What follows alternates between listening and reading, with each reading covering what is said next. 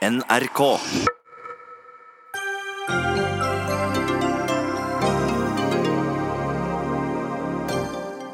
Per Sandberg innrømmer at han burde ha varslet om Iran-reisen.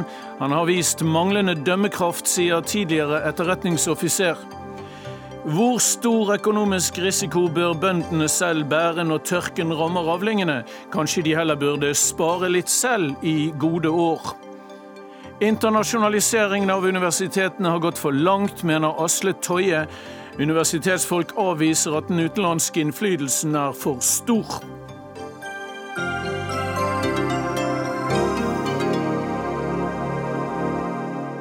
Velkommen til Dagsnytt 18 i studio Ole Torp. Vi skal også høre at isbjørndrapet på Svalbard vekker internasjonal avsky, og det reises krav om at reglene for polarturisme nå må strammes inn. Men først til fiskeriministerens eh, velkjente reise til Iran. I ettermiddag innrømmet altså Per Sandberg overfor Dagens Næringsliv at han burde ha forhåndsvarslet statsministerens kontor om sin Iran-reise. Feriereiser til Iran er vanligvis ikke noe stort problem for vanlige personer, men reiser man som statsråd og nestleder i Fremskrittspartiet, blir det straks mer komplisert. Fordi PST sier at Iran er blant de mest aggressive landene når det kommer til å drive elektronisk etterretning og spionasje mot Norge.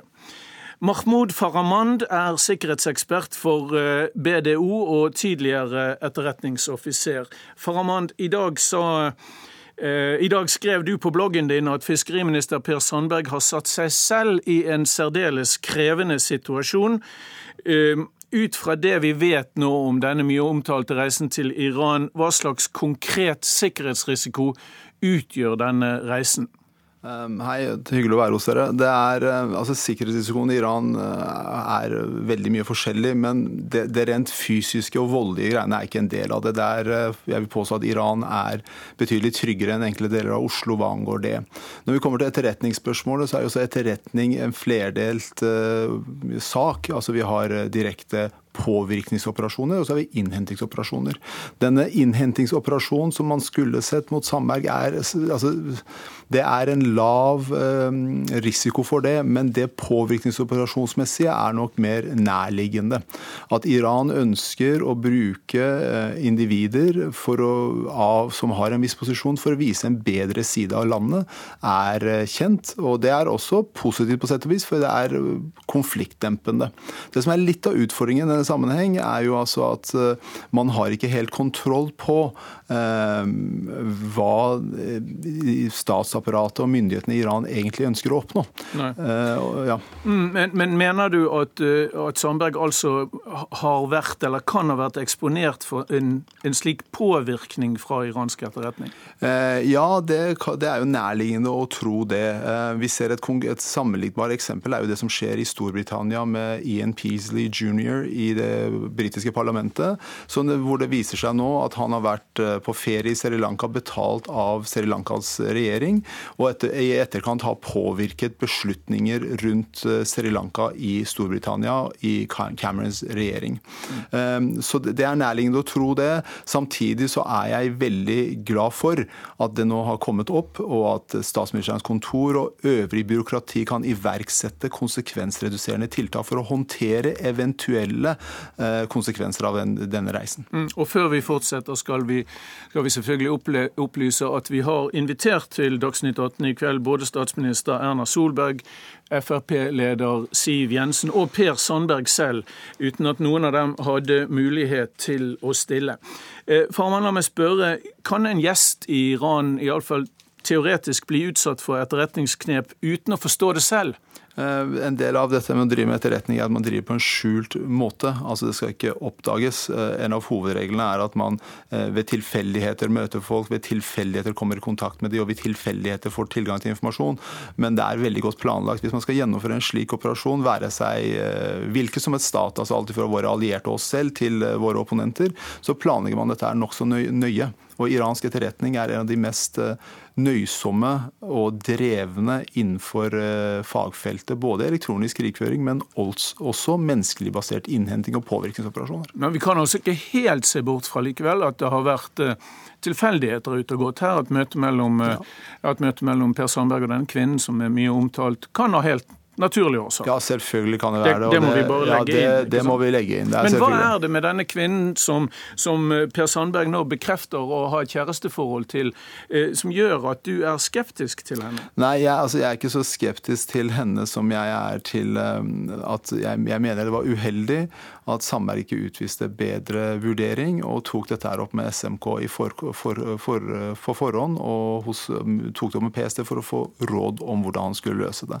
Jeg mener også at hvis man tar en sammenligning mellom dette her og de sakene som har vært diskutert bl.a. i Aftenposten angående sikkerhetsklareringer, eh, så er det sånn at eh, man, man velger å vurdere individer med eh, partnere, samboere og kjærester fra andre nasjoner på, på, en annen måte, og flere har mistet sikkerhetsklæring. Og så må jeg legge til at statsråder, statssekretærer og medlemmer av det norske storting er ikke underlagt uh, sikkerhetsloven, og dermed trenger ikke sikkerhetsklarering. Eh, men igjen da, så er det dette her eh, Det som er viktig å få med seg her, er at nå er saken opp på dagen og, opp i dagen og kan kontrolleres av SMK og PST. Og så mener jeg at det er svært uheldig at man skal drive et politisk spill over dette her. Man bør gi disse instansene arbeidsro, slik at de finner ut hva som faktisk har skjedd. Mm. Eh, bare svar meg på dette. Hvorfor er Per Sandberg spesielt interessant for eh, Eller hvorfor skal han være et spesielt interessant mål for iranske myndigheter? Eh, han, eh, altså, Enhver som sitter i en maktposisjon og har et visst nettverk, vil være interessant for slike påvirkningsoperasjoner. Eh, og dermed, med den posisjonen han har, vil han være av stor interesse. Og igjen så er ikke dette forbundet med direkte innhenting, men det er for å kunne påvirke beslutninger og kunne vise en mer positiv side av Iran. Når det gjelder selve reisen, du har iransk bakgrunn ja. selv, ikke sant? Ja.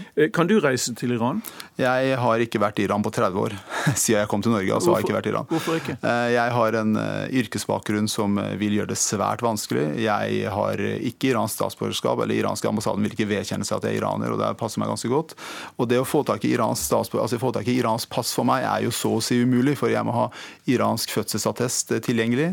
Jeg må skaffe meg, ta med den til ambassaden, skaffe meg et iransk ID, nasjonalt ID-kort, og dermed skaffe meg iransk pass for å kunne reise til Iran som iransk født. Så vanligvis, så vanligvis, er det ikke bare bare for tidligere iranske statsborgere å eh, reise tilbake? Med mindre man har iransk pass, så er det ikke så lett. Og så er det sånn at Når man da eh, reiser til Iran, så er det en del prosesser forbundet med det. Eh, man må som sagt, ha iransk pass, og så blir det jo en del spørsmål man må svare på. Og for meg som ikke har som mann, så må jeg påregne å betale rundt 30 000-50 000 kroner for å betale ut førstegangstjenesten min, bl.a. Så det er en del sånne ting. Men igjen, da. Iran er et turistvennlig land. Menneskene i Iran er hyggelige, og det er viktig for Irans turisme at folk reiser dit. Eh, men eh, det er, altså, eh, det er vurderingene som er tatt i forkant her vi diskuterer. Ja, men vet du at, at denne kvinnen har hatt kontakter til, til regimet? Ehm, basert på det jeg har sett, så har jo hun eh, vært på feiringer på iranske ambassaden. Ehm, og så vidt meg bekjent så er ikke alle forunt å delta på disse feiringene. Men igjen, jeg kan ta feil og vurdere akkurat denne saken på en feil måte. Ok, La oss høre med Torgeir Knag eh, Fylkesnes, som er stortingsrepresentant for SV her i studio. Hvor alvorlig er denne saken, Fylkesnes? Nei, det får vi jo se når vi har eh, fått svar på spørsmål fra eh, statsråden sjøl, og, og, sikkerhetsmyndighetene har gjort sin del av jobben. Men det som eh, er vårt utgangspunkt, er jo at Stortinget må være trygg på at her har det ikke skjedd eh, noe som har satt eh, norske eh, sensitive opplysninger i fare i utlandet. Mm. Og det som kom frem i de siste dagene, er jo at Per Sandberg har reist til Iran med med sin vanlige mobiltelefon. Og Der finner vi eh, e-post, kalenderoppføringer, tekstmelding osv.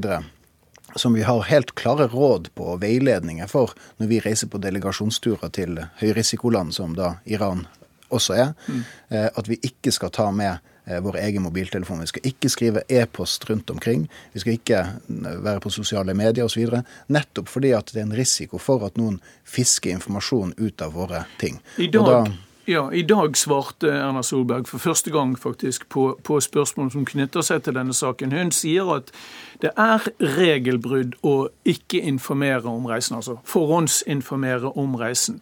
Um, hva synes du om statsministerens håndtering av denne saken til nå?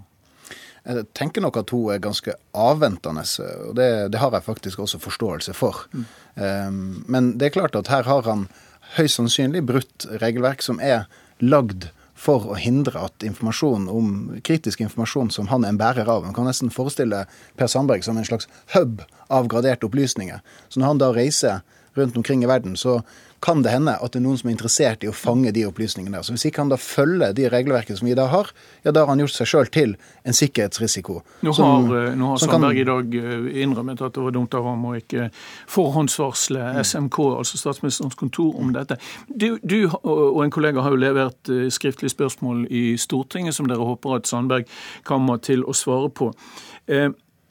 Hva vil du ha som svar fra ham, utover at han igjen må bekrefte at han burde ha forhåndsvarslet om dette? Jeg vil jo først og fremst vite om han eh, har gjort skikkelige vurderinger av denne reisa her. Eh, om det har vært, om, det, om han har hatt noen råd, om han har forholdt seg til, til de i departementene og i sikkerhetsmyndighetene som, som, gir råd om dette, om han forholdt seg til det, om han har fulgt regelverket. Det er det egentlig jeg spør om. Mm. Og med bakgrunn i det som har kommet opp de siste dagene, så virker det som at han har bare dratt, han har bare kasta seg rundt og dratt på tur til, til Iran. Og Det syns jeg er bekymringsverdig. og Han nevnte også at han har vært på ferie andre steder, andre høyrisikoland, sånn som Kina. Eh, og Da er spørsmålet om han har, har, gjort det samme der også. Sånn at eh, vi må, vi må, Er det også en Eh, det har ikke stilt som dette spørsmålet. Denne, Men Da holder vi oss til det du har spurt om. For Statsministeren sa altså til Verdens Gang i dag at mm. uh, Sandberg har forstått at det var et brudd, mm. men, og, at det, og at, det ikke var, at det ikke er noe utover hans reise, ved hans reise som forandrer Norges forhold til Iran. Um, han har ikke gjort noe ulovlig. Hvorfor er da dette en sak for Stortinget? Nei, altså, vi, Han har en taushetsplikt som han er underlagt. Og vi har en sikkerhetslov i dette landet her som gjør at vi skal holde på Eh, gradert informasjon. Og da er jo alle disse reglene som er rundt her, det er for å passe på at ikke han gjør seg sjøl til den sikkerhetsrisikoen når han er ute og reiser. Og jeg må jo bare si at jeg heier jo virkelig på kjærligheten i denne saken her. Mm. Men det vi på Stortinget er opptatt av, det er å ha forsikringer om at man gjør alt man kan for å hindre at sensitiv informasjon om Norge, som kan være bra i de gale hender, det det ikke kommer på, på avveie. Det det, det er, vår jobb det er på Stortinget å passe på at det skjer etter boka. Det det, er faktisk en potensiell fare for at det kan ha skjedd. Altså Når PST nå henter inn hans mobiltelefon for å sjekke den om det er noe som har foregått der, da eh, sier det litt om alvoret eh, i den reisa. Siv Jensen, hans partileder, også eh, snakket om dette i dag i en e-post til NRK. Hun skriver jeg registrerer at Per Sandberg har vært på ferie i Iran. Det endrer ikke på FrPs kritiske holdning til politikken som føres av regimet i Iran. Men det er ikke nok til å, til å berolige deg. Nei, altså Det som beroliger meg, er jo å få skikkelige, så pinlig korrekte svar fra Per Sandberg som overhodet mulig. Mm. Noe har kommet ut i offentligheten, noe har ikke kommet ut i offentligheten. Vi må bare komme til bunns i saker. Mm. Eh, jeg slår meg jo aldri til ro med uklare svar fra statsråder. Altså, men min jobb er å komme helt til bunns i saker til vi har fått det fullt opplyst. Og i dette tilfellet sammen med, sammen med Arbeiderpartiet. Ja. Siste spørsmål. Kan denne reisen, tror du, få politiske konsekvenser? Åpenbart. Altså, hvis det viser seg at her Åpenbart? Ja, altså, det kan åpenbart det. Altså, Hvis det viser seg at man har her lekka informasjon, sensitiv informasjon fra mobiltelefonen til eh, Per Sandberg, eh, som kan sette eh, rikets interesser eller personer i fare, så er jo det så alvorlig som du får det. Takk skal du ha. Vi lar det henge der. Uh, Torgeir Knag Fylkesnes fra SV. Takk også til Mahmoud Farahman, som er tidligere etterretningsoffiser og var med oss på linje fra et annet sted i landet. Dagsnytt 18 alle hverdager kl 18.00 på NRK P2 og NRK2.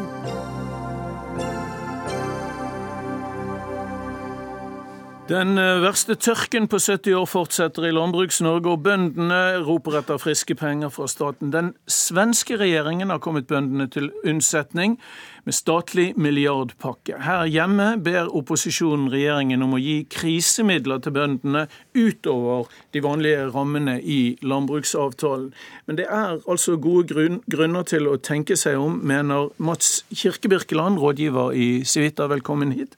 Du skriver en kronikk i Dagbladet at årlig variasjon i værforholdet er en helt normal risiko som bønder eh, må ta, og som, og som følger med det å, å bedrive privat Eh, næringsvirksomhet. Og norske bønder bør ikke få en statlig redningspakke. Hvorfor er det så betenkelig å gi bøndene en, eh, en, redningspakke i et så mm. ekstraordinært år som vi er midt inne i? Eh, først og fremst må jeg si at jeg har jo selvfølgelig all sympati med hvordan bøndene har det i dag. På samme måte som jeg sympati med oljenæringen. Sånn pent av deg, jeg, prøver å, jeg prøver å løfte denne debatten opp på et prinsipielt nivå. Det var også det som var min intensjon med den artikkelen i Dagbladet. Det er generelt to problemstillinger med eh, sånne krisepakker. Det første er at det kan skape, eller gi inntrykk av å skape, en form for presedens. Altså at eh, enhver næring som er kommer i krise, de, de skal da få en krisepakke. Og Hvordan skal vi da bestemme hvilken næring som skal få krisepakke, hvilke kriterier det skal være. Og En sånn slik president kan jo også skape insentiver for at næringer eller bedrifter driver driver, eh, investerer i lobbyvirksomhet og relasjon til stortingspolitikere og regjering, fremfor å, eh, og det har jo USA som et skrekkeksempel, fremfor å drive næringsvirksomhet. Det kan skape en form for presedens at man må gå til staten for en krisepakke istedenfor å ha generelle spilleregler og en næringsnøytral politikk. som gjennomfører. Så er det to, nummer to. Og Det andre problemet det er at kriser på lang sikt, ikke på kort sikt, ofte er av det gode. Det at bedrifter går konkurs, det at arbeidsplasser forsvinner, er en del av den kontinuerlige omstillingen som må skje i enhver økonomi, og som skaper produktivitet og som skaper den velstandsøkningen vi har. Hvert eneste år så er det 10% av norske arbeidsplasser forsvinner. Eh, veldig mange, Det blir jo skapt nye igjen, men veldig mange av de 10% blir skapt internt i bedrifter. Men, men en naturlig avskalling? Det er en naturlig avskalling. det, det, Du, bør se på oljekrisen. Det var et gode for næringen på lang sikt. Du fikk oljeselskaper og en, en, en næringsklynge rundt som er mye, så mye bedre bedre i dag, med høyere lønnsomhet, samtidig som du har fått frigjort masse arbeidskraft. La oss være konkret om denne saken. Skal regjeringen da bare lene seg tilbake eh, og rolig se på at flere bønder enn normalt går konkurs pga. tørken dette året? Nei, de, de, skal ikke lene seg tilbake. og De har jo allerede f.eks. redusert av tollavgiften, sånn at man kan importere mat og en del sånn. Og så ligger jo det allerede eh, mekanismer inni, inni, der, ja, eh, inni den jordbruksavtalen eller det vi har i dag. Blant annet har vi en sånn offentlig avlingsskadeforsikring som slår ut hvis man har 30% Men her er det snakk om ekstraordinært? Så her er det snakk om ekstraordinært. Så her har man en offentlig forsikringsavtale, og man har jo hatt to år nå før den perioden hvor vi har hatt gode inntekter i landbruket. Eh, og Man kan ikke, kan ikke være sånn at vi profitterer eller har eh, privat profitt i gode tider, og så sosialiserer man eh, underskudd i dårlige tider. Da får man tider. både i pose og sekk, hvis man ja. kan bruke et sånt uttrykk. Olaug Bollestad, jeg har en mistanke om at du ikke er enig i det, første, første nestleder i KrF. Ditt parti, KrF, er jo i vippeposisjon og bidrar til flertall på Stortinget for å innvilge en krisepakke til, til bøndene til høsten hvis det kommer til det, bør ikke bøndene selv uh, ta høyde for slike kriseår? Eh, vi har jo et helt spesielt kriseår i år. Sist gang det var så gale, eller ikke fullt så gale, faktisk var i 47. Det er enda tørrere enn det. Det er over 100 år siden vi har hatt en sånn utfordring i norsk landbruk. De har en 40% avlingssats eh, i, i, år i forhold til før. Hvis dette hadde vært i et u-land, så hadde det faktisk vært en sultkatastrofe. Så sitter vi som et rikt land. Vi har muligheten til å kjøpe inn. Og da er spørsmålet skal vi samtidig bidra til at vårt eget landbruk eh, faktisk klarer å bestå.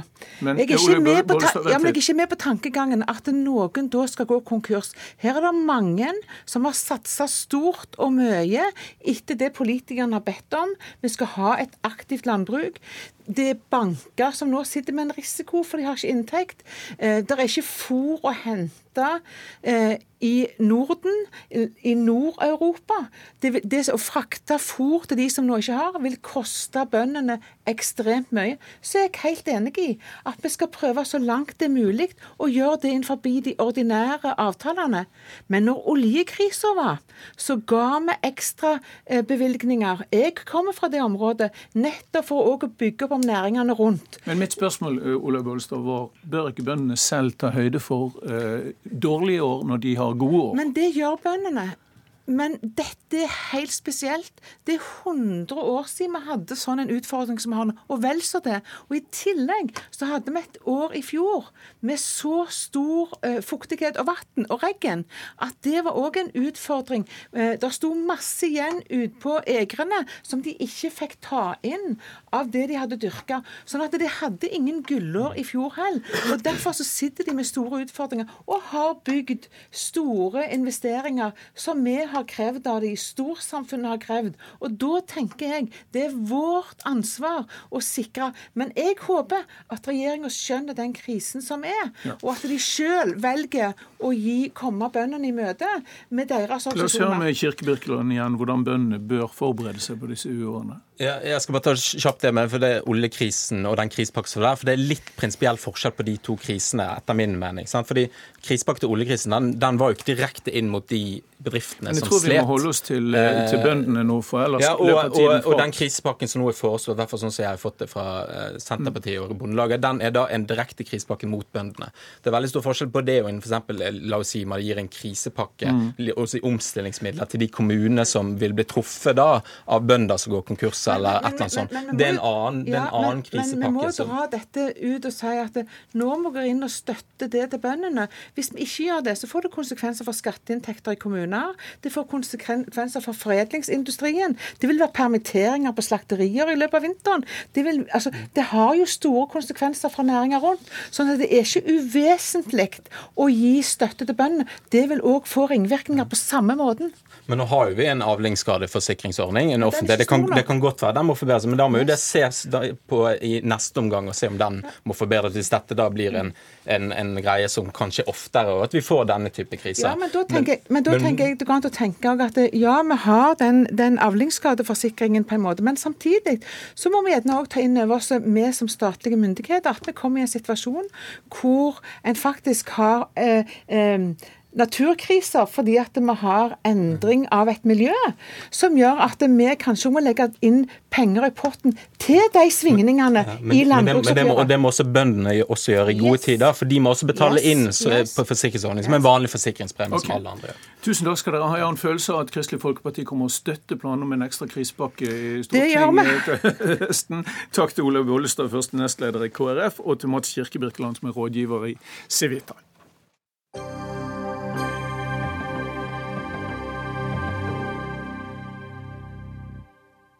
Det er kommet sterke reaksjoner internasjonalt på at et skipsmannskap fra det tyske cruiseskipet Bremen sist lørdag skjøt og drepte en isbjørn på Sjuøyene nordøst for Spitsbergen. Politiet på Svalbard etterforsker hendelsen der en tre-fire år gammel hannbjørn eh, måtte bøte med livet. En tysk sjømann ble også skadet. Siden isbjørn ble totalfredet på begynnelsen av 70-tallet, er mer enn 100 bjørner blitt felt på Svalbard, og nå mener mange at turister ikke bør få lov til å gå i land der isbjørnen er, og at økende cruise- og turistvirksomhet i sårbare områder er rett og slett farlig for det polare dyrelivet. Eh, Morten Vedege er miljøvernsjef hos Sysselmann på Svalbard. Jeg vet at du ikke skal eller kan uttale deg om den eh, foreliggende sak, den siste skyting, men hvor mye isbjørn er det nå på Svalbard? Eh, god dag. Eh, God dag. Vi, har, i, vi deler, Norge deler isbjørnstamme med Russland og med Frans Josef-land i Russland. Det gjør at tallene vi, vi, har på isbjørn, de er, ikke, de er behefta med en del usikkerhet.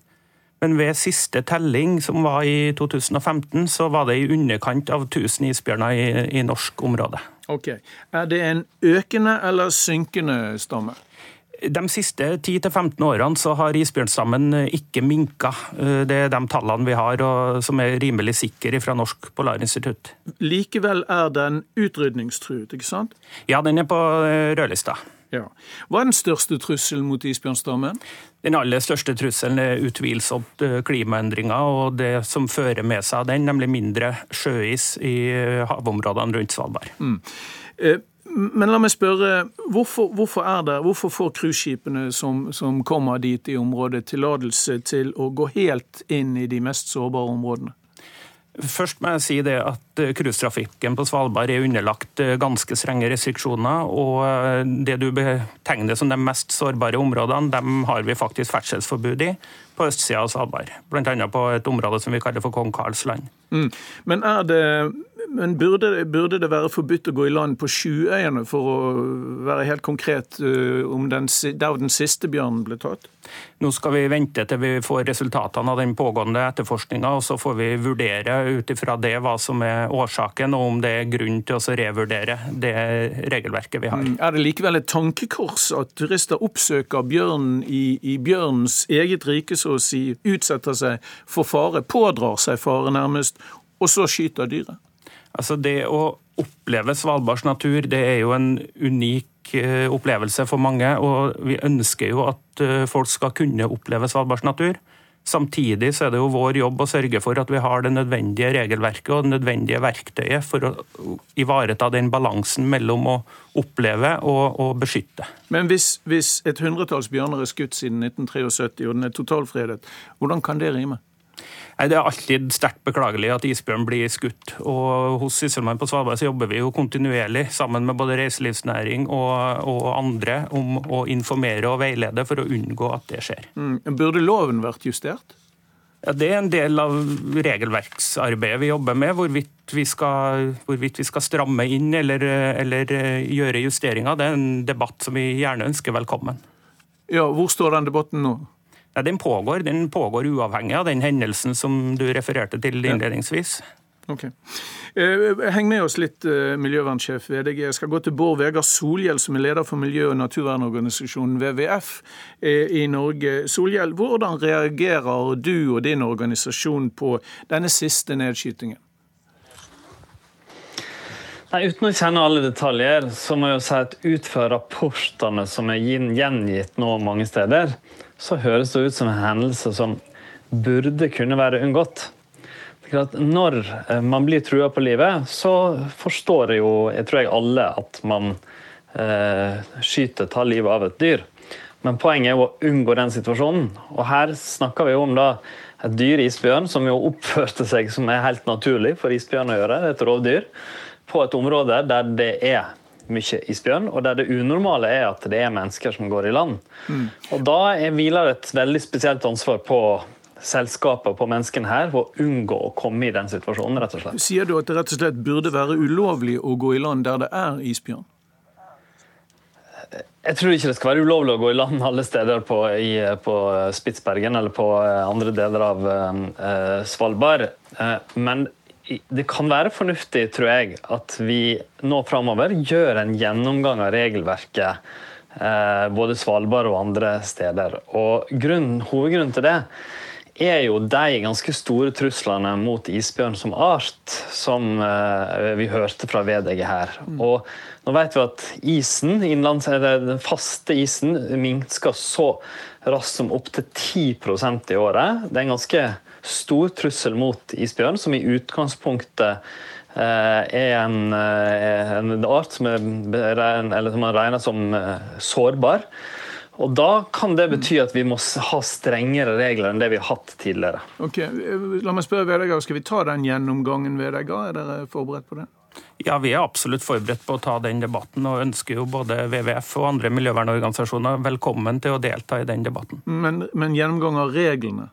Ja, det ligger jo i det også. Vi jobber jo med eh, helhetlige forvaltningsplaner for, eh, for verneområder på Svalbard, eh, hvor bl.a. regelverket tas opp til, til revisjon. Mm. Og Så er det det lovmessige, Solhjell. Hvis kapteinen på Bremen eller dem som skjøt blir tiltalt etter og, og funnet skyldig i miljøforbrytelser eller uaktsom felling, som det heter, så risikerer de erfaringsmessig i hvert fall ca. 20 000 kroner i bot eller, eller kortere fengselsstraffer. Bør straffenivået økes? Altså, jeg vil ikke si det, det, at det viktigste er hvor strenge straffene er, men at man har ressurser til å håndheve dem, og at man faktisk følger opp saker eh, når det er nødvendig. Eh, og Der har vi heldigvis eksempler på de siste årene at det har blitt gjort. Tross alt så er regelverket strengt. Sysselmannen setter det ut i livet på en dyktig og god måte.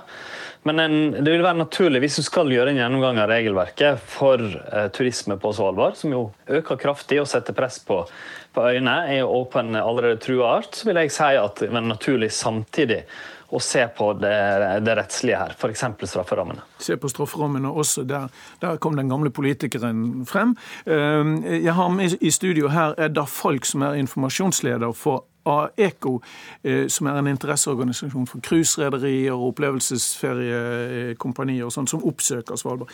Er du enig i at strafferammene burde, burde være strengere når det først skjer, eh, skjer miljøforbrytelser? Vår erfaring er at grunnen til at uh, operatører tar det, dette med isbjørnsikkerhet så på alvor, det handler ikke om frykt for, uh, for, straffekonsekvenser. Det handler om en ansvarsfølelse både for passasjerene man har med seg, og også for det miljøet man oppsøker på Svalbard. Så jeg tror at den motivasjonen som operatørene har til å gjøre driften så forsvarlig som mulig, den vil ikke avhenge av straffenivået nødvendigvis. Mm. Mm. Hvor mange turister oppsøker Svalbard årlig? I fjor var det 111 000 omtrent som dro til Svalbard. 111 000, ja. er, er, Og det er økende, ikke sant? Det er økende, og det er også en ønsket utvikling fra myndighetenes side, særlig nå som gruvedriften fases ut på Svalbard. Dere har jo også noen regler som deres medlemsbedrifter må holde seg til, i tillegg til loven og sånne ting. Um, følges disse reglene? Ja, vårt inntrykk er at de følges. Og vi har også mekanismer for rapportering, og vi går om bord på skip og sørger for at at våre ekstra regelverk følges. Eh, og selvfølgelig alt som er det lovlige, lovpålagte krav, er det jo Sysselmannen som følger opp. Ja, Den siste, siste skyteepisoden på, på Sjuøyene har gitt mye negativ oppmerksomhet i utlandet. Tyske aviser har hele forsiden sine på det osv. Kan, kan, kan dette bety at dere må stramme inn for reglene for medlemsbedriftene? Altså, nå, Denne hendelsen som skjedde på Svalbard, dette, den operatøren er av få, en av få operatører som ikke er medlem av vår organisasjon. Vi snakker om Hapag Lloyd, ja, ikke sant? det stemmer. Rederiet som var medlem hos dere, men som ikke lenger er medlem? De valgte å melde seg ut pga. uenigheter, ifølge dem selv. Eh, men vi representerer flertallet av de som driver på Svalbard med ekspedisjonscruise, altså disse små cruiseskipene som oppsøker fjernliggende strøk og da går i land. Hva slags uenighet dreide det seg om? Var det om reglene? Det vet jeg dessverre ikke. Det vet, det, det, vet du ikke. Og så er det jo slik at disse cruiseskipene du snakker om, eh, gjerne med isbryterfunksjoner og sånn, det de bygges stadig flere, så dere venter enda mer av disse skipene i årene som kommer? Ja, det gjør det. Det som skjer nå, er at flåten fornyes, og det betyr også at man får mer miljøvennlige skip som kommer til å erstatte de eldre skipene. Mer miljøvennlige skip, men flere turister som kan sette seg selv i fare potensielt? Ja, det stemmer at det kommer flere turister til Svalbard. Uh, uh, Solhjell, Bernkonvensjonen forplikter oss som nasjon til å ta vare på og beskytte både flora og fauna og, og naturlige uh, habitater, med særlig vekt på truede og sårbare arter. Isbjørnen faller vel inn i den kategorien? Ja, det gjør det. Isbjørn er sårbar. Da kaller man det en sånn betegnelse man har, selv om det er ganske mange individer igjen. Og, og det er riktig, som det også er sagt her tidligere, at den nok kan bli langt tøffere trua, særlig pga. klimaendringene i tiåra som kommer. Mm. Um, det er ikke så god reklame for Norge, denne siste nedskytingen, har vi, har vi uh, oppdaget, selv om både skipet og skytterne var tyske. Nei, altså det, det, det, det, tror jeg definitivt at det kom. Det er jo sånne typer saker som legges merke til over hele verden. Så skal det sies det at sant, ingen regelverk kan erstatte ansvarsfølelse. Det syns jeg er fornuftig sånn det her blir sagt. Men når jeg likevel legger vekt på regelverk, så er det fordi at det å ha et strengt regelverk kan holde de tvilsomme eller de uansvarlige borte. Og sørge for at det bare er de som er seriøse og ansvarlige, som fortsetter å være operatører. Og så er jo altså tra eh, trafikk og turisme, som jo har masse positivt ved seg, vi er jo alle turister av og til, det er jo òg en ganske stor global miljøutfordring. Det står for nesten 10% av globale klimagassutslipp. Eh, har eh, ganske utfordra dyreliv, verna områder over store deler av verden, og i Norge. Også og Det må vi nok ta mer inn over oss enn det vi har gjort til nå. Også andre steder i Norge, det vet vi. Eh, vi skal legge til, vi snakker med politiet på Svalbard i dag, som opplyser at etterforskningen skal bare ta et par uker. Og avhørene av Bremen-besetningen fortsetter i Longyearbyen i dag. Statsadvokaten i Troms og Finnmark som avgjøres om det reises tiltale om få uker. Takk til Edda Folk i AECO, til både Bård Vegar Solhjell i WWF og til Morten Vedegge ved Sysselmannens kontor på Svalbard.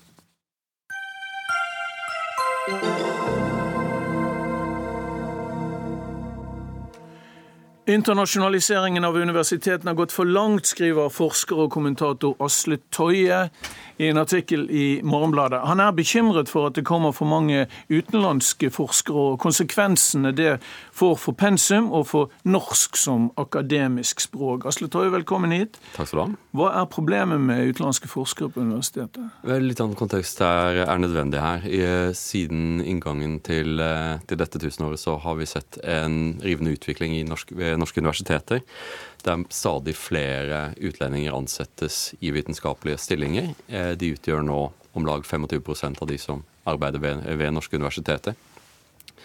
Eh, og det å åpne for spørsmålet hva er poenget med norske universiteter? Det norske universitetet eh, skal betjene et lite land og et lite språk. Nå har det med stortingsmelding 14 av 2008 så ble det gjort klart at vi skal søke å gjøre dette forskningen så mye som overhodet mulig på engelsk, undervise også på engelsk. Og jeg mener at det er et problem. Eh, det norske universitetet skal betjene det norske samfunnet. Det er et lite språk.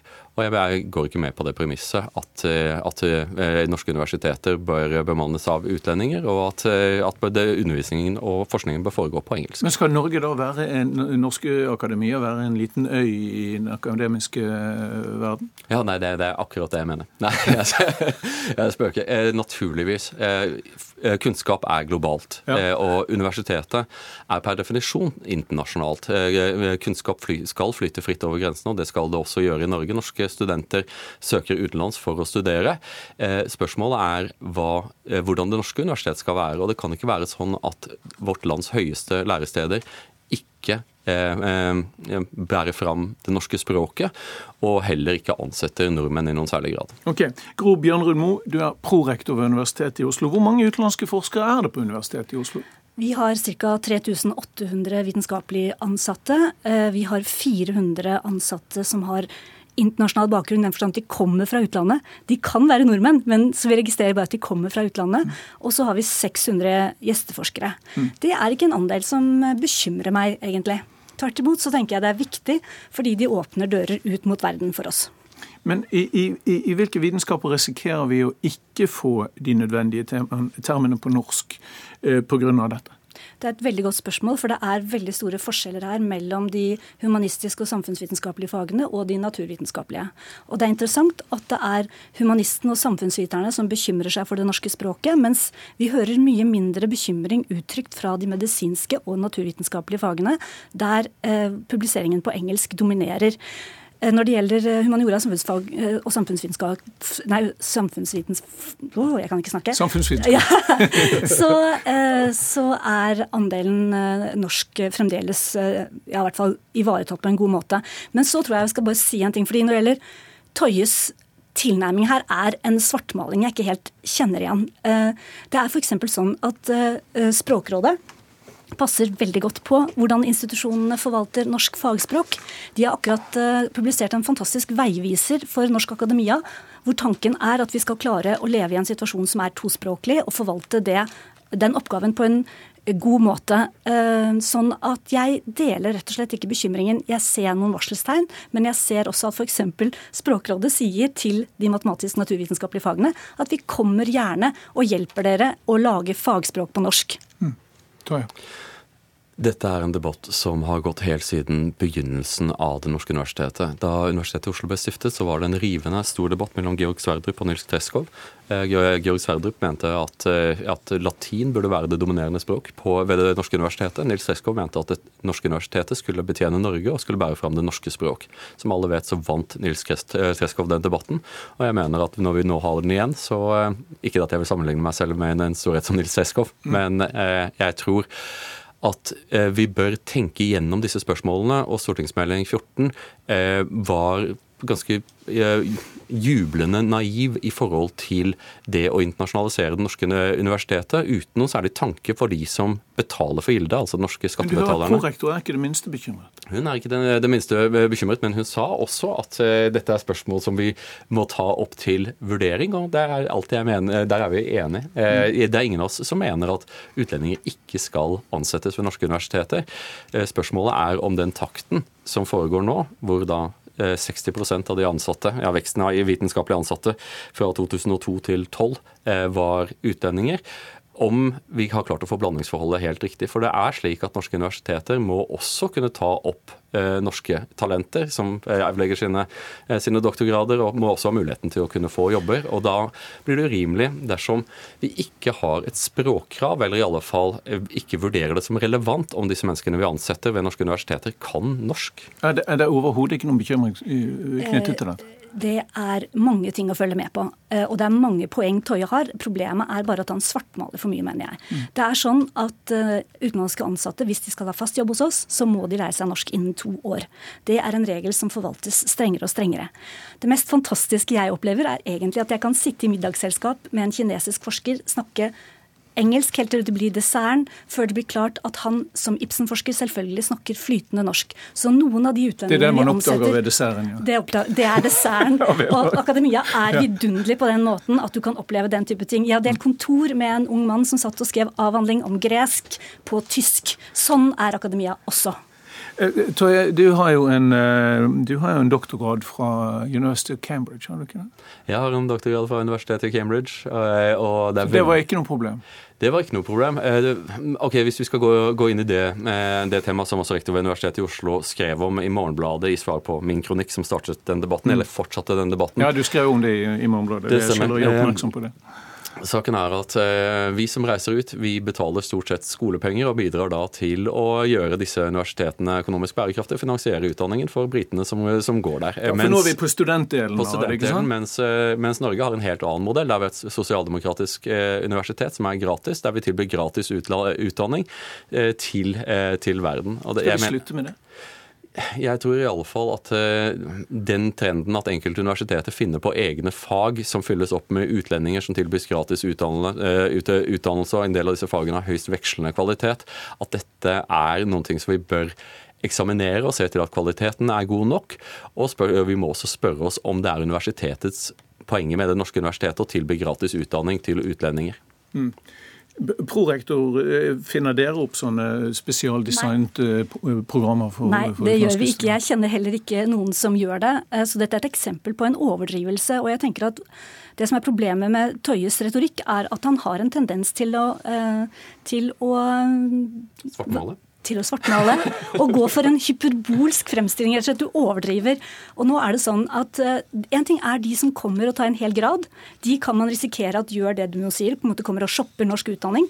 Men det du ikke snakket om, det er de studentene som inngår i studentutveksling, hvor det er sånn at Norge får tilgang til de beste lærestedene i verden, kan sende våre studenter på utvekslingsopphold her, under forutsetning av at vi tar studenter inn. Så mye av dette, bl.a. gjennom Erasmus-programmet, er en fantastisk utveksling, og som handler om at akademia er god på å dele kunnskap og sende folk på tvers av skillelinjer og grenser og åpne verden. Eh, og her er det også en økonomi som Norge nyter svært godt av, og det har vi også klargjort i vårt svar til deg i Morgenbladet. Og da kommer spørsmålet, Hva er eh, universitetets samfunnsoppdrag? Hva er universitetets referanseobjekt, om du vil? Er det de som betaler for gildet, altså de norske skattebetalerne, eller er det en global, eh, internasjonal eh, virkelighet. Eh, og jeg mener at det er helt åpenbart at det norske eh, universitetet skal primært betjene det norske samfunnet, og det gjør man best på norsk. Jeg tenker at Her tenker også Tøye snevert, i den forstand at eh, vi trenger også internasjonale studenter inn på campus. Fordi vi ser at de internasjonale studentene rett og slett studerer mye flittigere enn de norske. Og vi har lærere som det forteller ha, Det kan ha sammenheng med at Tøye skriver at for å utdanne flere i Norge har man måttet dyppe øsen og dette er et sitat, har man måttet dyppe øsen stadig dypere ned blant gymnasiets mindre lyse hoder. Kvikt og morsomt, men er det sant? Nei, det er ikke sant. Eh, det er sånn at, altså Verken Toje eller jeg, jeg Toje er jo en ung mann og jeg er jo en voksen dame, men ingen av oss har gått på gymnaset. sånn at det er jo en ganske sånn alderdommelig sammenligning. Men dagens unge, altså årets opptak på Universitetet i Oslo, hadde vi høyere karakterkrav enn vi noen gang har hatt ved tidligere opptak, så er det sånn at de internasjonale studentene, der sier også eh, lærerne våre at noen ganger så gjør det mirakler for de norske studentene fordi de ser de, de hardt arbeidende og løfter dem opp. De og det vil jeg også si at gjelder de internasjonale ansatte. De kan også være en ansporing for våre unge talenter til å strekke seg enda mer. Men talt, en av, fjerde, en av fire som starter ved et norsk eh, universitet oppnår ingen grad, så det er kanskje et tegn på at uh, ikke alle som blir tatt inn på universitetet har noe der å gjøre. Den diskusjonen stopper ikke der, men takk skal dere ha for at dere så ivrig gikk løs på den hos oss. Eh, Asle Toje eh, og Gro Bjørnrud Hør Dagsnytt 18 når du vil. Radio NRK Radio.nrk.no.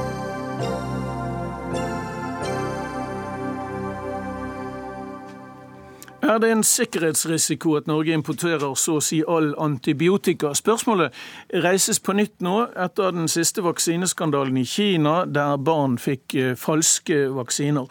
Både leger og politikere mener det er betenkelig, eller kan i hvert fall være betenkelig å være avhengig av medisinimport fra land der vi ikke har tilstrekkelig kontroll med produksjonen. Kjersti Toppe, stortingsrepresentant for Senterpartiet, nestleder i helse- og omsorgskomiteen. Har vi ikke en trygg tilgang til antibiotika ved norske sykehus og apoteker. Mm. Den er ikke trygg nok. Eh, og sånn som eh, situasjonen er, eh, så tar vi ikke nok på alvor at antibiotika det er ikke bare et medikament, det er et veldig viktig medikament. Kanskje det aller viktigste vi har. Og mangler vi det, så er ikke det bare dårlig for medisin og behandling, men det utgjør faktisk en, en beredskapstrussel i Norge. Så viktig er det. For, for pasientene? Ja, eh, ja, og da mener jeg at dette er et myndighets, myndighetsansvar å sikre at vi har tilgang til livsviktig antibiotika. Og at ikke vi legger alt dette ansvaret over til den internasjonale legemiddelindustrien. Eh, for dette er så viktig at vi må ha kontrollen sjøl. Mm. Du er da enig med professor Bere, eh, overlegen ved, ved Ullevål sykehus i dag, som skriver um, i Klassekampen i dag at man bør flytte produksjonen av antibiotika hjem. Mm. Ja, eh, han sier at vi må flytte den hjem, eller iallfall inn i Europa. Jeg tenker at dette er helt naturlig at vi kan ha et eh, nordisk eh, samarbeid om. Nordisk. Enten at vi har en strategi, felles strategi for det, felles produksjon. Iallfall sånn at vi har lager av antibiotika. For går vi tom for det, så er det ikke så mye annet i medisin som virker heller. Mm. Anne Grete Erlandsen, statssekretær i Helse- og omsorgsdepartementet fra Høyre. Hvorfor produserer vi ikke eh, vår egen eh, antibiotika? Det er rett og slett fordi at det, vel, det å produsere legemidler er en stor og kompleks eh, produksjon. Og vi vil, selv om vi hadde produsert deler av det er en lang kjede, Eh, deler av den kjeden selv, så ville vi alltid vært avhengig av å, å importere virkstoff. Mm. Jeg deler Så vi, vi, vi, produserer ikke antibiotika i det hele tatt? Nei, vi gjør ikke det, det nå. Vi gjør ikke det nå. Vi har gjort det før, eh, er jeg kjent med. Men eh, jeg deler også Dag Berils bekymring for, for dette. Og det er noe som vi er klar over. Så for oss er dette ikke noe ikke noe nytt problem. Mm. Eh, vi snakker altså som du sier om Dag Beril, som er overlege og professor ved Ullevål.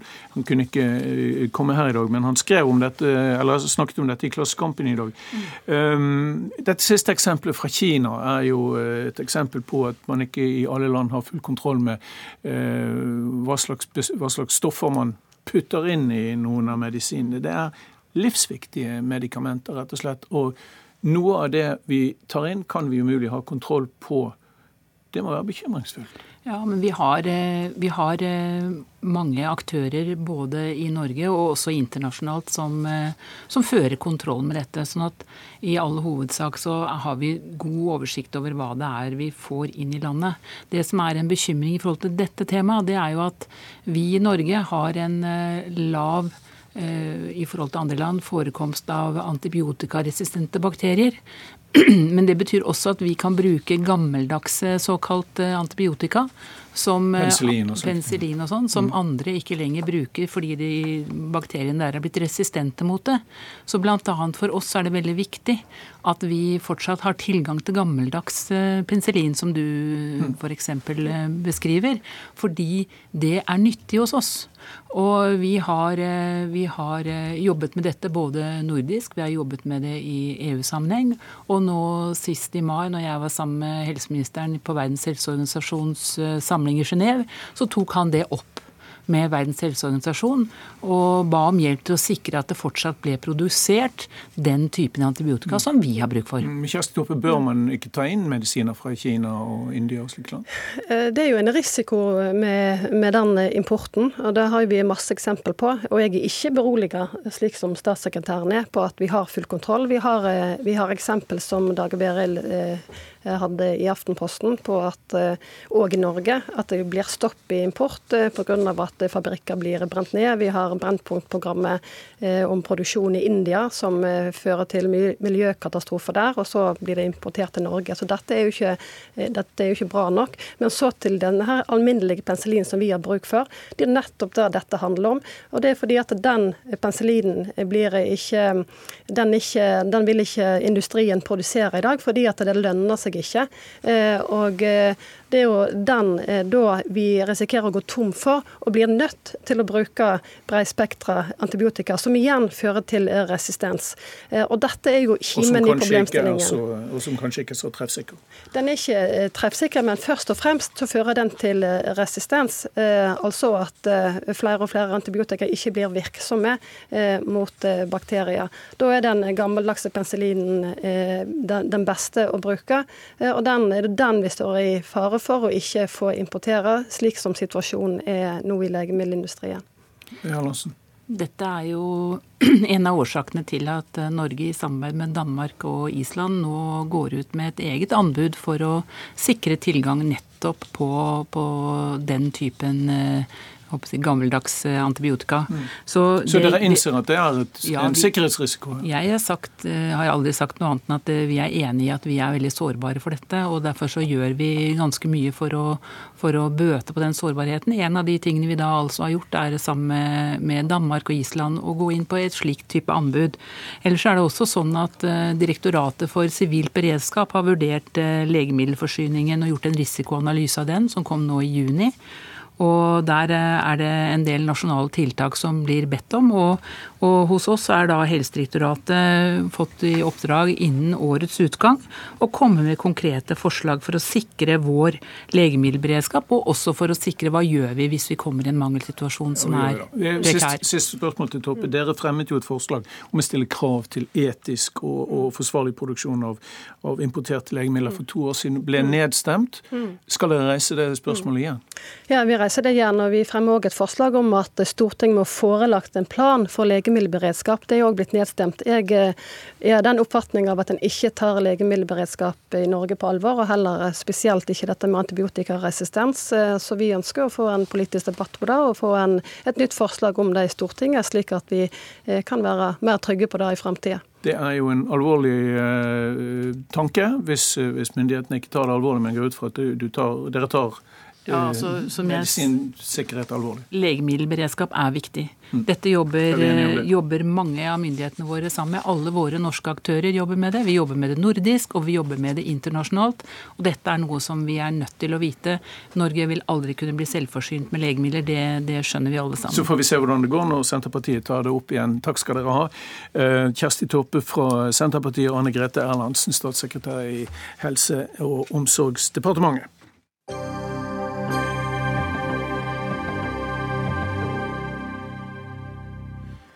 Katolske nonner over hele verden står nå frem og varsler om overgrep.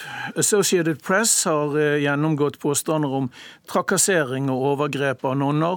De har funnet en rekke eldre og nyere anklager i både Europa, Afrika, Sør-Amerika og Asia. Det skriver Vårt Land i dag. I mai fikk 14 katolske prester sparken i Chile etter en stor overgrepsskandale der ble rullet opp. Ehm, etter det har altså mange nonner stått frem og fortalt om overgrep som de er blitt utsatt for. Eh, Else-Britt eh, Nilsen, velkommen hit. Du er tidligere priorinne i Katarinahjemmet og professor eh, emeritus ved Det teologiske menighetsfakultet i Oslo. Og du sitter endatil i et internasjonalt nettverk for dominikanersøstre. Hvor overraskende er det for deg at så mange nonner står frem og forteller om overgrep? Det er ikke overraskende, fordi dette har vært kjent, i hvert fall internt, gjennom en årrekke. Særlig fra 1990-årene og fremover, og særlig dette i, som har foregått i Afrika. Hvor man har kanskje en utnyttelse av en altså fattigdomskontekst som, som gir kan man si, ikke så Det er ikke alle prester som er like, kan man si, plettfri plettfrie i sin vandel som, eh, som, vi gjerne så at de var.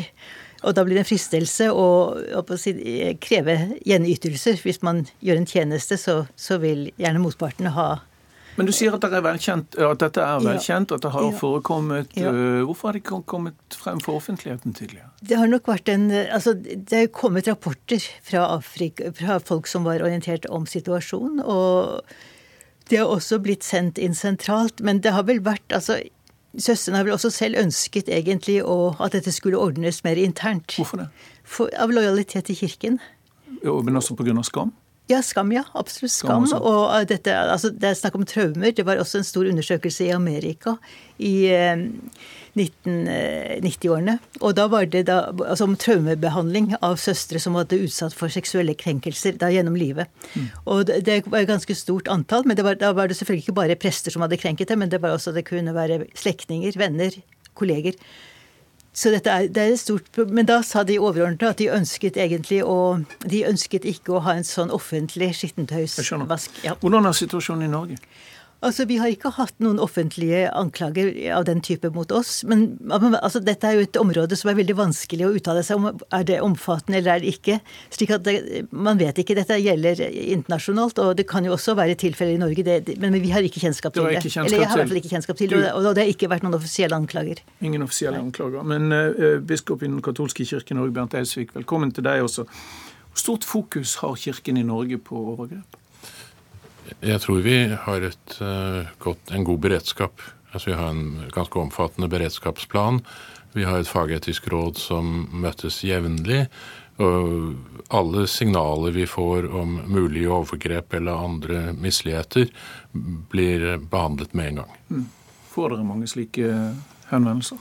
Er heldigvis en stund siden sist. Men uh, når slike saker som dette kommer opp, så, så kan det skje. Altså folk som har sittet med, med, sine triste historier, får plutselig mot til å fortelle dem. Men hittil, altså i, i, denne omgang, er det ikke skjedd. Nettopp. Men du ser ikke bort fra at når det nå blir offentlighet rundt, eh, rundt de, eh, de um, sakene som professor Nilsen snakker om, så kan det også komme Teoretisk sett, i hvert fall. Eh, altså, vi må ha en mental beredskap en mental... hele tiden, uansett om det er sånne saker i nyhetene eller ikke. Mm. Tidligere har det jo vært fokus i den katolske kirken på at barn og unge har vært eh, misbrukt eh, av maktpersoner i kirken, over hele verden faktisk. Og nå kommer det altså frem også at, at nonner eh, er blitt utsatt for seksuelle overgrep og, og uønsket seksuell oppmerksomhet, heter det. Hvorfor skjer dette? Det har vel med den menneskelige natur å gjøre. Eh, personer som ikke er modne nok til å gå inn i prestestillinger, er blitt presteviet. Det kan ha med et menneskes egen utvikling å gjøre. Eh, det kan være mange grunner til det. Hvis vi snakker om prestene. Når vi mm. snakker om andre mennesker, så er jo de like forskjellige ja, vi la oss holde oss til prestene. Det er der du ja. har eh, fagkunnskapen, ikke sant? Ja. Særlig. La oss håpe det. Vi passer passer veldig godt på våre prestestudenter, særlig. Det er jo den fasen eh, som er viktigst for oss, utvelgelsestiden.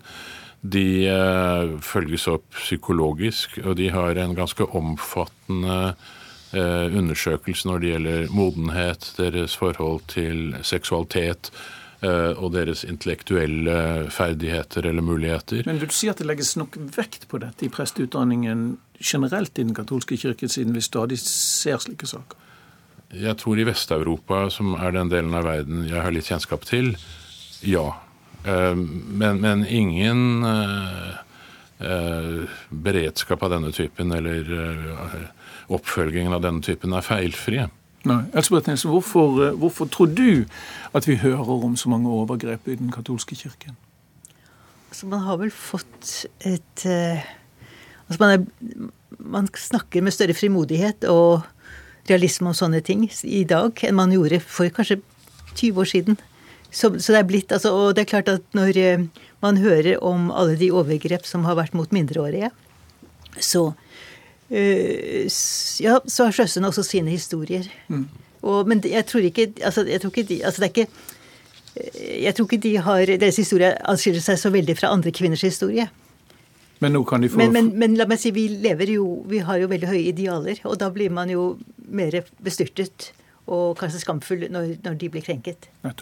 Takk til eh, tidligere priorinne og professor Else Britt Nilsen og biskop i Den katolske kirke Bernt Eidsvik. Dagsnytt 18 er slutt. Ansvarlig for sendingen var Anne Katrine Førli. Teknisk ansvarlig Lisbeth Sellereite, og i studio satt Ole Torp.